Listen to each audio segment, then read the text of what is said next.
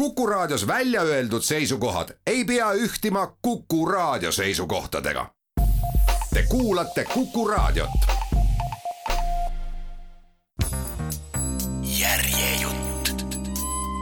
Justine Picardi, Miss Dior, lugu moest ja vaprusest.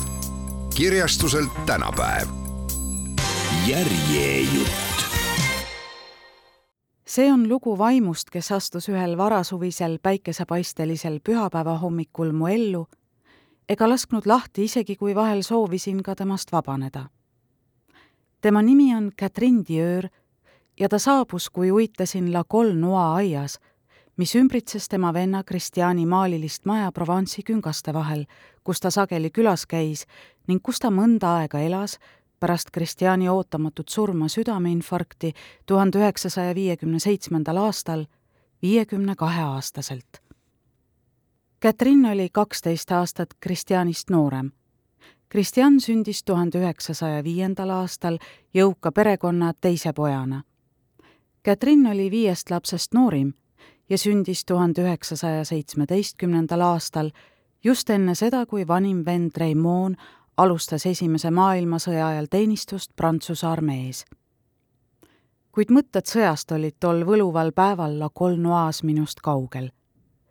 mind ahvatles imekaunis maja, mille Christian Dior ostis ja renoveeris tuhande üheksasaja neljakümne kuuendal aastal loodud eduka brändi tuludest Christian Dieuri debüütkollektsiooni, mida esitleti Pariisis kaheteistkümnendal veebruaril tuhat üheksasada nelikümmend seitse, ristis Harper's Bazaari toimetaja, ametikoht, kus ka minul on olnud au töötada Carmel Snow New Lookiks. kuid nimest hoolimata oli kollektsioon ka nostalgiline meenutus Belli Pokist, kuldsetest aastatest enne suurt sõda.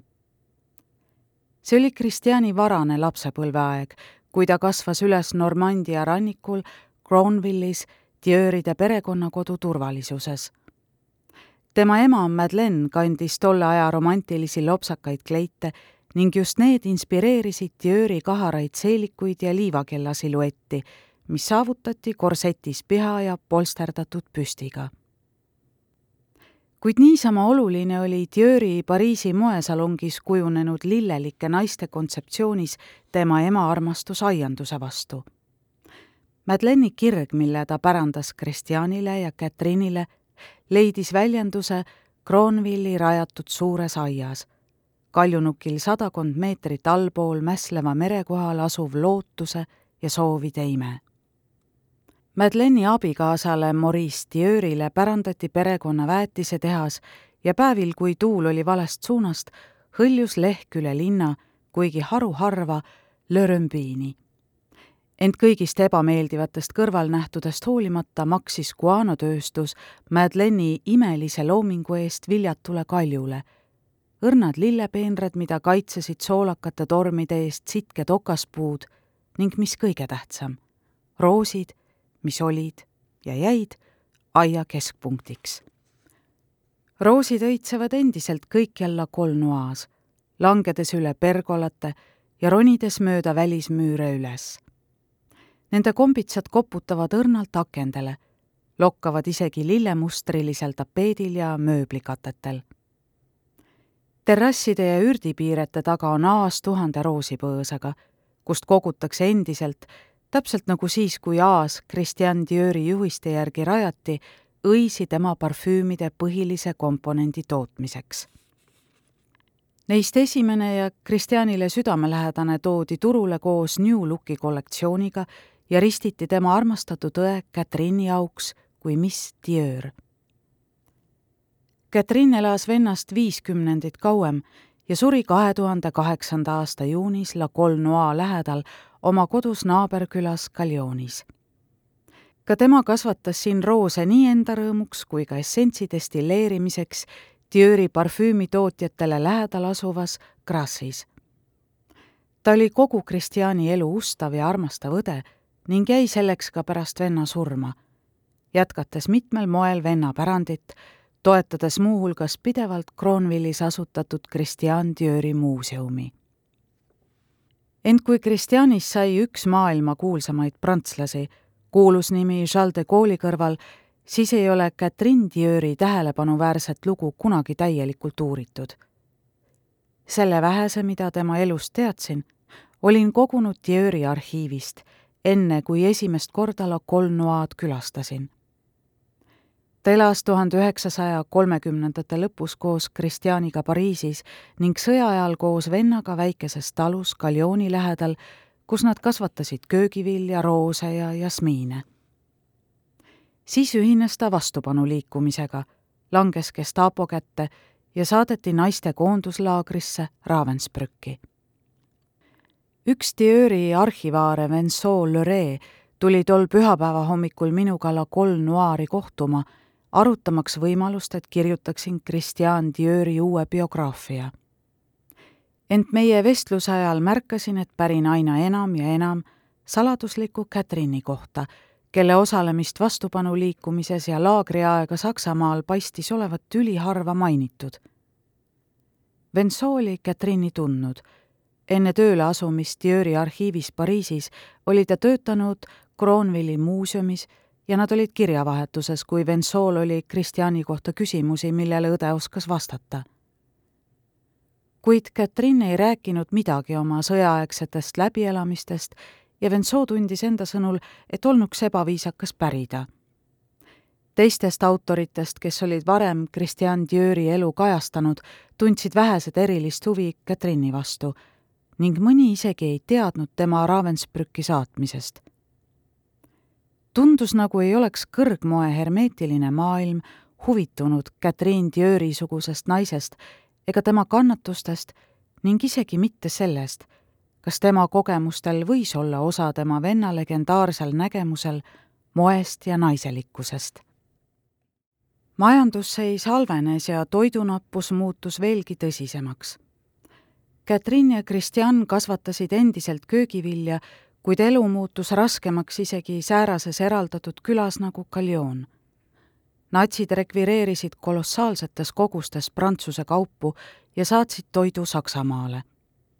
normimine kehtestati tuhande üheksasaja neljakümnenda aasta septembris ning kahanevad piima või muna, oliivi ja lihavarud viisid kasvava alatoitumuseni pärast tuhande üheksasaja neljakümne esimese aasta sügise saagikoristust tegi Kristjan vastumeelselt otsuse naasta Pariisi, et otsida tööd palgalise disainerina, Catherine aga jäi Gallioni. ent peagi pärast venna lahkumist kohtus ta mehega, kes muutis tema elu. see oli Prantsuse vastupanuliikumise kangelane Hervé de Charbonnerie. tegemist oli armastusega esimesest pilgust ehk jõulisema prantsuse väljendi kohaselt nagu välgunool. see välk lõi sisse ajal, mil Prantsusmaa tundus olevat kaetud lüüasaamise tõttu Saksamaalt ning kollaboratsiooni tõttu natsidega pimeduse looriga. tuhande üheksasaja viienda aasta jaanuaris sündinud ja seega Kristjaniga ühevanune Hervé de Charbonnerie oli pikka kasvu, võluv, kena välimusega ning juba abielus ja kolme lapse isa ta oli ka poliitiliselt teadlik, nagu Kristjan oli ka tema õppinud Pariisis ning vastupanuliikumise liige alates algusaegadest, nagu ka tema ema ja abikaasa Lucie.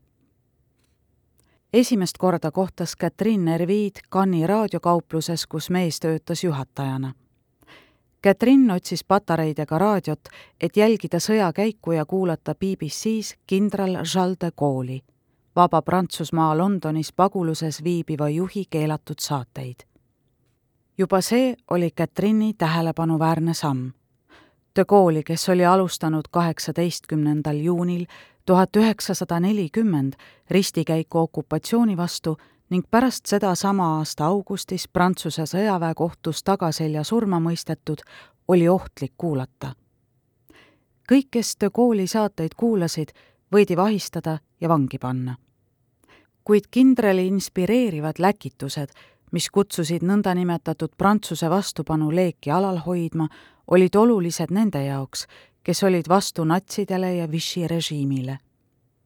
seetõttu oli raadio vastupanu liikumise võti, nii info edastamiseks kui ka sõnumite saatmiseks. ja Ervil oli suurepärane amet oma tööks võrgustikus, mida kutsuti F kaheks hoolimata Catherine'i vankumatust toetusest kindral de Gaulle'ile, mida jagas ka Hervi, olid F2-l tegelikult tihedamad sidemed Poola ja Briti luurega.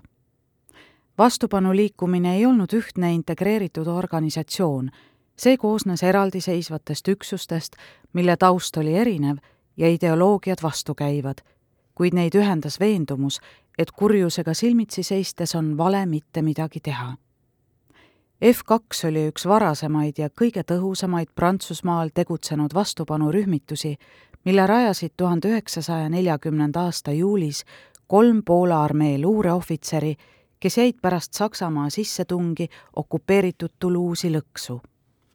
Nad läksid varju ja ehitasid raadiovastuvõtja ning edastasid esimese sõnumi Poola pagulastele Londonis kahekümne teisel augustil tuhat üheksasada nelikümmend pärast Saksamaa sissetungi Poolasse tuhande üheksasaja kolmekümne üheksanda aasta septembris rajas Poola luure oma peakorteri Pariisi, kus neil tekkis tihe tööalane side Briti luureteenistuse kohaliku ülema Wilfred Thunderdale'i kiireid autosid armastanud võluva mehega, kes oli väidetavalt hiljem James Bondi inspiratsioon. Thunderdale, keda tänu poksioskusele kutsusid tema Briti kolleegid Biffiks, sõbrustas päris kindlasti Bondi looja Ian Flemingiga. tuhande üheksasaja neljakümnenda aasta suvel pärast Prantsusmaa langemist põgenes Poola luureteenistus Londonisse nagu ka Thunderdale ja nende sidemed tugevnesid. Briti SIS pakkus poolakatele rahalist, tehnilist ja logistilist tuge ning poolakad omakorda jagasid luureinfot, mida hankisid oma ulatuslikult agentide võrgustikult Euroopas juhtumisi oli Ervil ja Lucille ootamatu side Christian Dieuri lähedase sõbra Rene Cruuga. illustraator elas endiselt Cannes'is ja tuhande üheksasaja neljakümne esimesel aastal joonistas ta Ervi naisest Lucille'st portree, mis toob esile tema kehahoiaku ja elegantsi. jutud räägivad, et Ervi lahkuminek Lucille'st oli sõbralik kuid ma tean vestlusest ühe Catherine'i veel elus oleva sõbraga, kes oli Erviga suguluses, et mehe perekonna traditsioone armastavad liikmed panid pahaks, et alustas Catherine'iga suhet, olles veel abielus. Ervi ja Lucie ei lahutanud ametlikult. kahtlemata läks Catherine abielumehesse armudes vastuollu oma katoliikliku kasvatuse ja Vichy Prantsusmaa patriarhaalse võimuga, mis leidis, et naise koht on kodus sõnakuuleliku abikaasa või lepliku tütrena, kes alistub meeste võimule. naistel ei olnud Prantsusmaal ikka veel hääleõigust. sufražettide organiseeritud kampaania algas tuhande üheksasaja üheksandal aastal, kuid hääleõiguse said naised alles pärast teist maailmasõda. repressioonide ajal tundub Catherine'i mäss seda jahmatavam, ning tema keeldumine pidada isiklikus elus kinni vagadest tavadest näib peegelduvat tema valmiduses panna vastu Vichy režiimile ja natsiokupatsioonile. selles mõttes saab Catherine'i kindel usk vabadusse ilmseks tema tegudes ja valikutes. sündmused arenesid kiiresti. tuhande üheksasaja neljakümne esimese aasta lõpuks jagas Catherine oma aega Gallioni ranniku vahel ning üüris Cannes'is korterit, et olla lähemal Erviile ja mehe kaaslastele vastupanu liikumises, kui F2 võrgustiku tegevus muutus aina ohtlikumaks.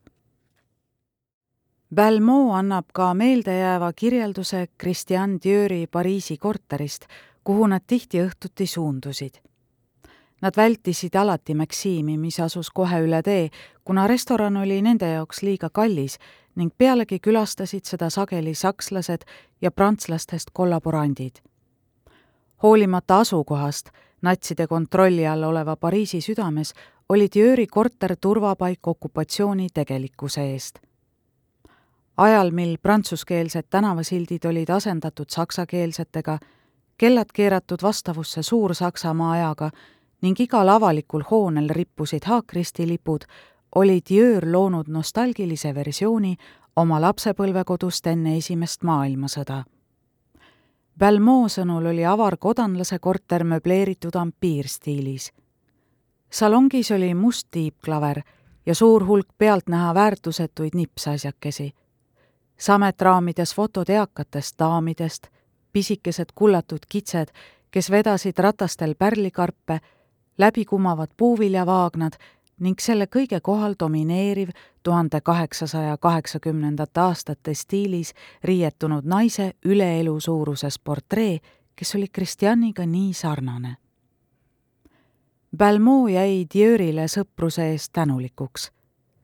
Kristjan oli leebus ja lahkus ise ning isegi komandanditunni piirangutega oli Pariisis rahumeelseid ja õnnelikke hetki tänu Dieur'ile tutvustati Balmod moeka seltskonnaga, kuhu kuulusid kunstnik Christian Berard, kirjanik Jean Cocteau, sisekujundaja Georges Geoffroy ja muusik Ori Soquet. viimane kohtas Catherine Dieuri venna korteris tuhande üheksasaja neljakümne neljanda aasta juunis, kui õde seal peatus. Soquet oli murelikult tunnistaja Catherine'i tulemistele ja minemistele mitme teise vastupanuliikuja seltskonnas ning tunnistas hiljem mälestuste raamatus, et oli ärevil, kuidas ta peaks selgitama seda Gestapole, kui nad peaksid teda kunagi küsitlema. õele ja selle seltsimeestele varju andes pani Kristjan end kahtlemata ohtu ja väljendas oma vaikivat toetust vastupanu liikumisele. mõned tema sõbrad ja tuttavad Pariisi seltskonnas aga ei jaganud Catherine'i vaprust ega tõekspidamisi Philippe de Rothschildi mälestustes on hirmus rida, kus ta tsiteerib nutikat pariislannat, kes ütleb kollaboratsionism oli hoopis šikim. ta ei nimeta naist nimepidi, kuid neid sõnu võis öelda terve hulk seltskonnadaame. võtame näiteks Marie-Louise Bousquet, Harper's Bazaari mõjuka Pariisi korrespondendi ja näitekirjanik Jacques Bousquet Lese, kes oli ammu tuntud salongiõhtutega, mida ta korraldas igal neljapäeval oma kodus Plastu Palais Bourbonil. salongiõhtud jätkusid kogu okupatsiooniaja ning perenaine tervitas seal nii natsimeelseid Prantsuse intellektuaale kui ka saksa ohvitsere, keda pidas kultuurseteks ning kelle seas olid Ernst Jünger ja Gerhard Heller. Jünger oli hinnatud autor ning Esimeses maailmasõjas pärjatud sõjaväelane ta töötas koos Helleriga Saksa tsensuuriametis Pariisis. Heller tegeles juutide ja antifašistide raamatute keelustamisega Otto Abetsi koostatud pikast nimekirjast.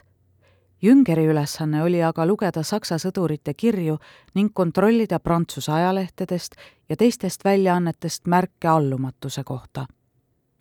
kuigi Jünger hindas Madame Bousquet külalislahkust ja kaunis köites raamatuid tema raamatukogus, tundub, et tal oli naise kohta teatud reservatsioone ning ta tunnistas oma päevikus, et suhtus temasse samasuguse ettevaatusega, nagu kogeb keemik kahtlaste ainetega tegeledes.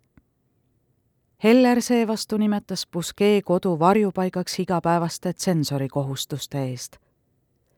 Heller oli innukas frankofiil ja andis tuhande üheksasaja neljakümne teisel aastal loa Albert Camus romaani Võõras väljaandmiseks kui Heller käsikirja luges, ei olnud Camus veel kuulus.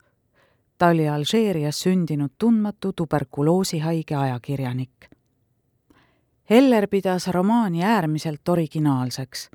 on ebaselge, kas Heller oli teadlik Camus edasisest rollist alates tuhande üheksasaja neljakümne kolmanda aasta lõpust vastupanuliikumise põrandaaluse ajalehe Kumba toimetajana kuid olukorra moraalne mitmetähenduslikkus oli okupatsiooni süngetel aastatel hallidele aladele sümptomaatiline.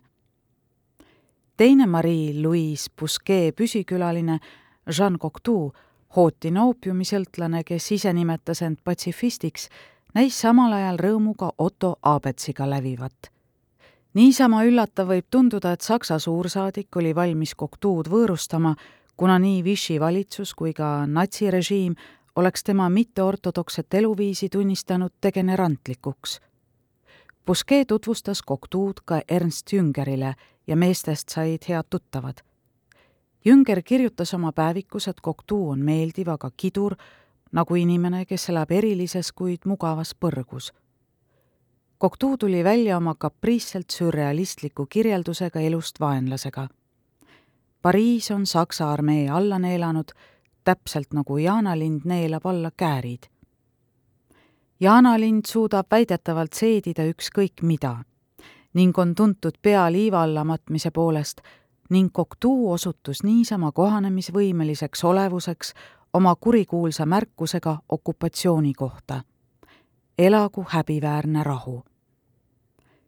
Jünger kohtus Marie-Louise Busquet juures ka Picasso ja mitme juhtiva prantsuse kirjandustegelase, teiste seas Pierre Trieu La Rochelle'i ja Marcel Joandouga, kes mõlemad olid avalikult fašistid ja antisemiidid Christian Dieuri memuaarides ei mainita seost tema õe ja kolme tema juurde tööle tulnud naise vahel, kuid sündmuste kronoloogias, mis viisid tema moemaja loomiseni, on Catherine alati kohal. Christiani läbimurde kollektsioon Lülongis, tuhande üheksasaja neljakümne kuuenda aasta veebruari näitus, pidi olema kavandatud tuhande üheksasaja neljakümne viienda aasta talvel, kui Catherine elas oma venna juures Rue Royalil ajastus tundub tähelepanuväärne, nagu oleks Katrini õnnelik naasmine võimaldanud Kristjanil pühenduda oma tulevikule. ja kui Kristjan asus täitma oma ambitsiooni moekunstnikuna, hõlmas tema nägemus ilust ja naiselikkusest kindlasti õde, naist, keda ta armastas kõige rohkem maailmas ent kuigi need, kes Catherine'i tundsid, tunnustasid teda tõelise kangelannana, kes kehastas Prantsuse sõjaaegse vastupanuliikumise parimat ja vapramat vaimu, ei olnud ta oma venna moemuusa ega püüelnud kunagi rambivalgust. Catherine'i sünnipärane tagasihoidlikkus ja vaikne diskreetsus olid rüütatud vaikusse, mis ümbritses tema sõjaaegseid kannatusi. ta nägu reetis ikka veel kurbust ja valu, mida ta oli talunud ning ta kehal olid armid piinamisest ja vangistusest. ja samal ajal hakati Catherine'i seostama moebrändiga üheaegselt esitletud Miss Dieuri parfüümiga. Dior oli oma esimese lõhna loomisega otseselt seotud ja palus nõndanimetatud ekspertnina, kõrgelt hinnatud parfüümieksperti Paul Vachid looma parfüümi, mis lõhnaks nagu armastus Vaši lõi selgelt eristuva valemi, kasutades Provence'i jasmiini ja roose, kaht sorti lilli, mida Christian ja Catherine kõige enam armastasid. legendi järgi oli lõhnale nime andmises suur osa ka Missa Bricardil. Christiani usaldusaluse Alice Chavoni sõnul juurdles Christian, mis nime parfüümile anda, kui tuppa astus Catherine. Madame Bricard ütles, Tien, voilà, Miss Dieur nii sai Catherine'ist, Li Allo lillekaupmehest, kes läks igal hommikul kell neli tööle, ühel õhtul ootamatu ristiema pisikesele pudelile, mis sisaldab Miss Dieuri nime all piibelehte, kevadet ja armastust. Alice Chavoni lüürilises kirjelduses on terake poeesiat. lõppude lõpuks on piibeleht Miss Dieuri's vähetähtis komponent, kuigi Christian pidas seda oma õnnelilleks ning see õmmeldi tema moemaja pulmakleitide serva. Mistiööri loomismüüdis on aga huvitav, et nii Missa kui ka Catherine on selle sünni juures. kontrast nende kahe naise vahel, kes mõlemad olid Kristjanile nii olulised, oli äärmiselt silmatorkav. Catherine oli Missast seitseteist aastat noorem ning teda iseloomustasid ausus, vapper pühendumine vabadusele ja põhimõttekindlad ideaalid muidugi teadis Catherine moest üht-teist, kuna oli töötanud enne sõda Pariisis butiigis ning oli oma vennaga lähedane ja talle lojaalne, kuid ta sai rohkem inspiratsiooni oma aiast kui moesalongist. Missa oli kuulus oma kaunite ehete sedeleva kollektsiooniga. Catherine'il olid aga mainekad medalid, mis omistati talle vapruse eest.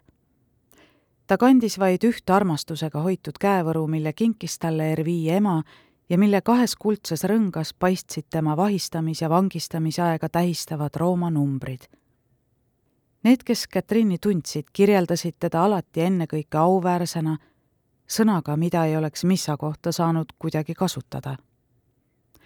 kui Miss Dieuri lillelõhna inspireerija oli Catherine ja see on säilinud endiselt ajatu auavaldusena Kristjani õrnale armastusele oma õe vastu, siis parfüüm, mida kehastanuks missa, olnuks tumedam ja sensuaalsem. Missa rüütas end salapära ja leopardi mustriga, nagu olnuks tal midagi varjata. Isegi tema nime kirjapilt ei ole kindel. teda on vahel nimetatud ka Mitsaks või Mitsahiks. tegelikult sündis ta kaheteistkümnendal novembril tuhat üheksasada Pariisis Germaine Louise Nostati nime all ning tema vanematena on sünnitunnistusel kirjas Max Nostat ja Agnes Sassmann. Missa oli kolm korda abielus. ta esimene abikaasa Aleksander Pianu oli Rumeenia pankur, kellest sai aastatel tuhat üheksasada nelikümmend neli kuni tuhat üheksasada nelikümmend kuus Pariisis diplomaat. keegi ei paista teadvat tema teise abikaasa isikut, kuid arhiividokumentide kohaselt sõlmiti tema kolmas abielu tema sünnipäeval, tuhande üheksasaja neljakümne esimesel aastal ärimehe Hubert Bricariga, kes ilmub missa loos vaid siis, kui kannab kohusetundlikult kotti naise kingadega. Lähimad sõbrad teadsid, et romantiline minevik, mida ta kirjeldas, oli tõenäoliselt fantaasia. üks neist sõpradest, Jane, Lady Abby, kirjutas pärast Missa surma tuhande üheksasaja seitsmekümne seitsmenda aasta detsembris. vahel rääkis madame Bricard mulle oma varasest elust, kuid mul on tunne, et selles oli enamat kui vaid mütoloogia elemente. ta oli, nagu ütles Anita Lius ühe teise iluduse kohta, tüdruk, kes on olnud viiskümmend aastat ajalooline ning mitte üheski oma meenutuses ei olnud ta vande all. Need hoiatused kirja pandud jätkas Lady Abby. tema isa oli Viinist ja ema inglanna ning tema lapsepõlve mälestuste seas oli käik vesirooside aeda, mille Monet rajas Giverny's. Kui ta oli seitseteist, sõlmis ta kohustusliku muinasjutu abielu vene vürstina Rõškiniga, kuid see lugu hääbus ja endine vürstinna töötas peagi oma tõelises ametis Pariisi suurima moelooja Jacques Doucet moemajas. mis Dior ei vedanud teda alt?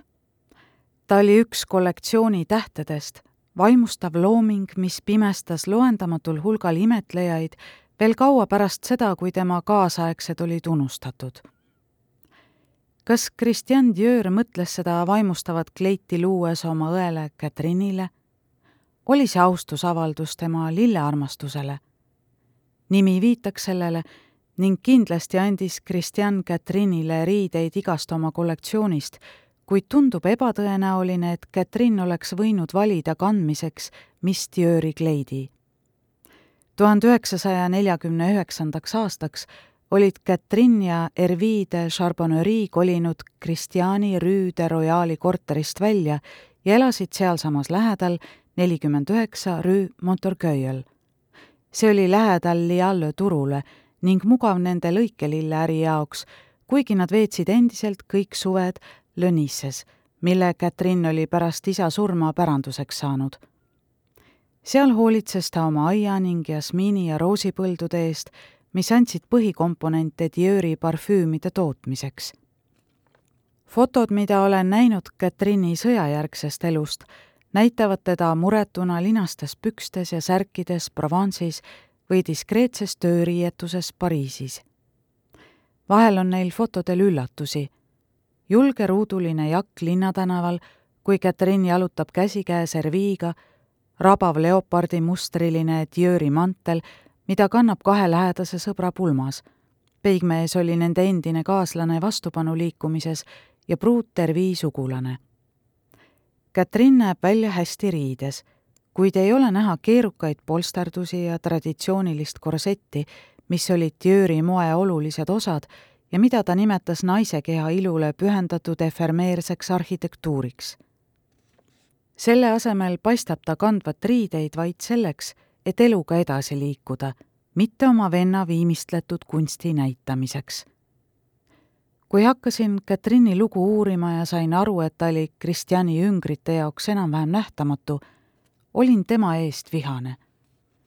ja siis mõtlesin, kuidas oli Katrin loovinud Pariisi moeareenil selle range etiketi, kaitstud klikkide ja kuulujuttudega, kas ta võeti lugupidamisega vastu, kui ta läks vaatama Avenue Montagnole venna kollektsioone keset ajakirjanike, toimetajate, kuulsuste ja seltskonnategelaste lobisevat parve. kas nad isegi teadsid, et ta on Kristjani õde ning Miss Dieuriga seotud?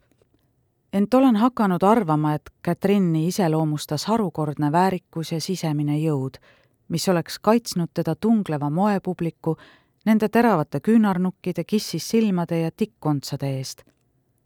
Katrin teadis, kes ta on. ta oli käinud põrgus ja tulnud tagasi. ta armastas oma venda ja aplodeeris tema edule, kuid ta ei vajanud tema riiete maskeeringu kaitset fotodel, kus Katrin kannab Diori kleiti, näiteks Lenisse aias, veiniklaas käes oma ristipoja Nicolas ristsetel, keda ta süles hoiab, näeb ta ikkagi välja täiesti tema ise. Miss Dior on sündinud unistusest, painavast soovist luua täiuslikkust. looja jumaldab teda, seega tundub ta enamat kui artefakt. kuid nagu alkeemiku jumaldatud Nukk Hoffmanni kõledas liivamehe loos, ei ole ta suuteline oma elu elama.